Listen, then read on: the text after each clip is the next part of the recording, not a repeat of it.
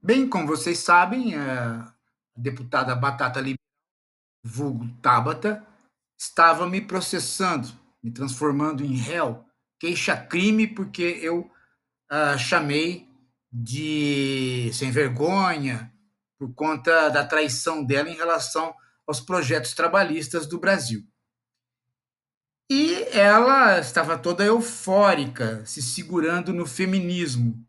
Só que a juíza, uma mulher, uma juíza aqui de São Paulo, simplesmente nem me chamou, nem precisei de advogado, nada. A juíza arquivou o processo e parece que o recado foi dado, ou seja, a batata liberal precisa sair da sétima série e começar a ter responsabilidades. Talvez ela tenha também que parar de ser uma alpinista social, que ela é. Talvez ela tenha que parar também de ser falsa deputada, porque se elegeu pela esquerda, mas agora diz que não existe esquerda e direita. E talvez ela precise parar de querer ser primeira-dama de tudo quanto é lugar que ela aparece.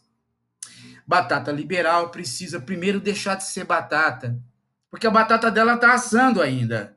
E precisa deixar de ser liberal, mas ela não vai conseguir. Por quê? Porque ela vem de um partido clandestino formado por Paulo Leman, que é dono de banco, e estão envolvidos com esse capitalismo financeiro que nos suga.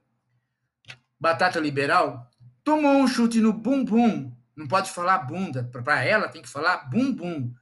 Tomou um chute no bumbum de uma juíza e não pode se esconder mais atrás do biombo do feminismo que ela, que ela ia fazer contra mim. Nem precisei ir lá. Apenas esperei meu anjo da guarda passar e do mesmo jeito que meu anjo da guarda enrabou o Nacife, enrabou também Batata Liberal.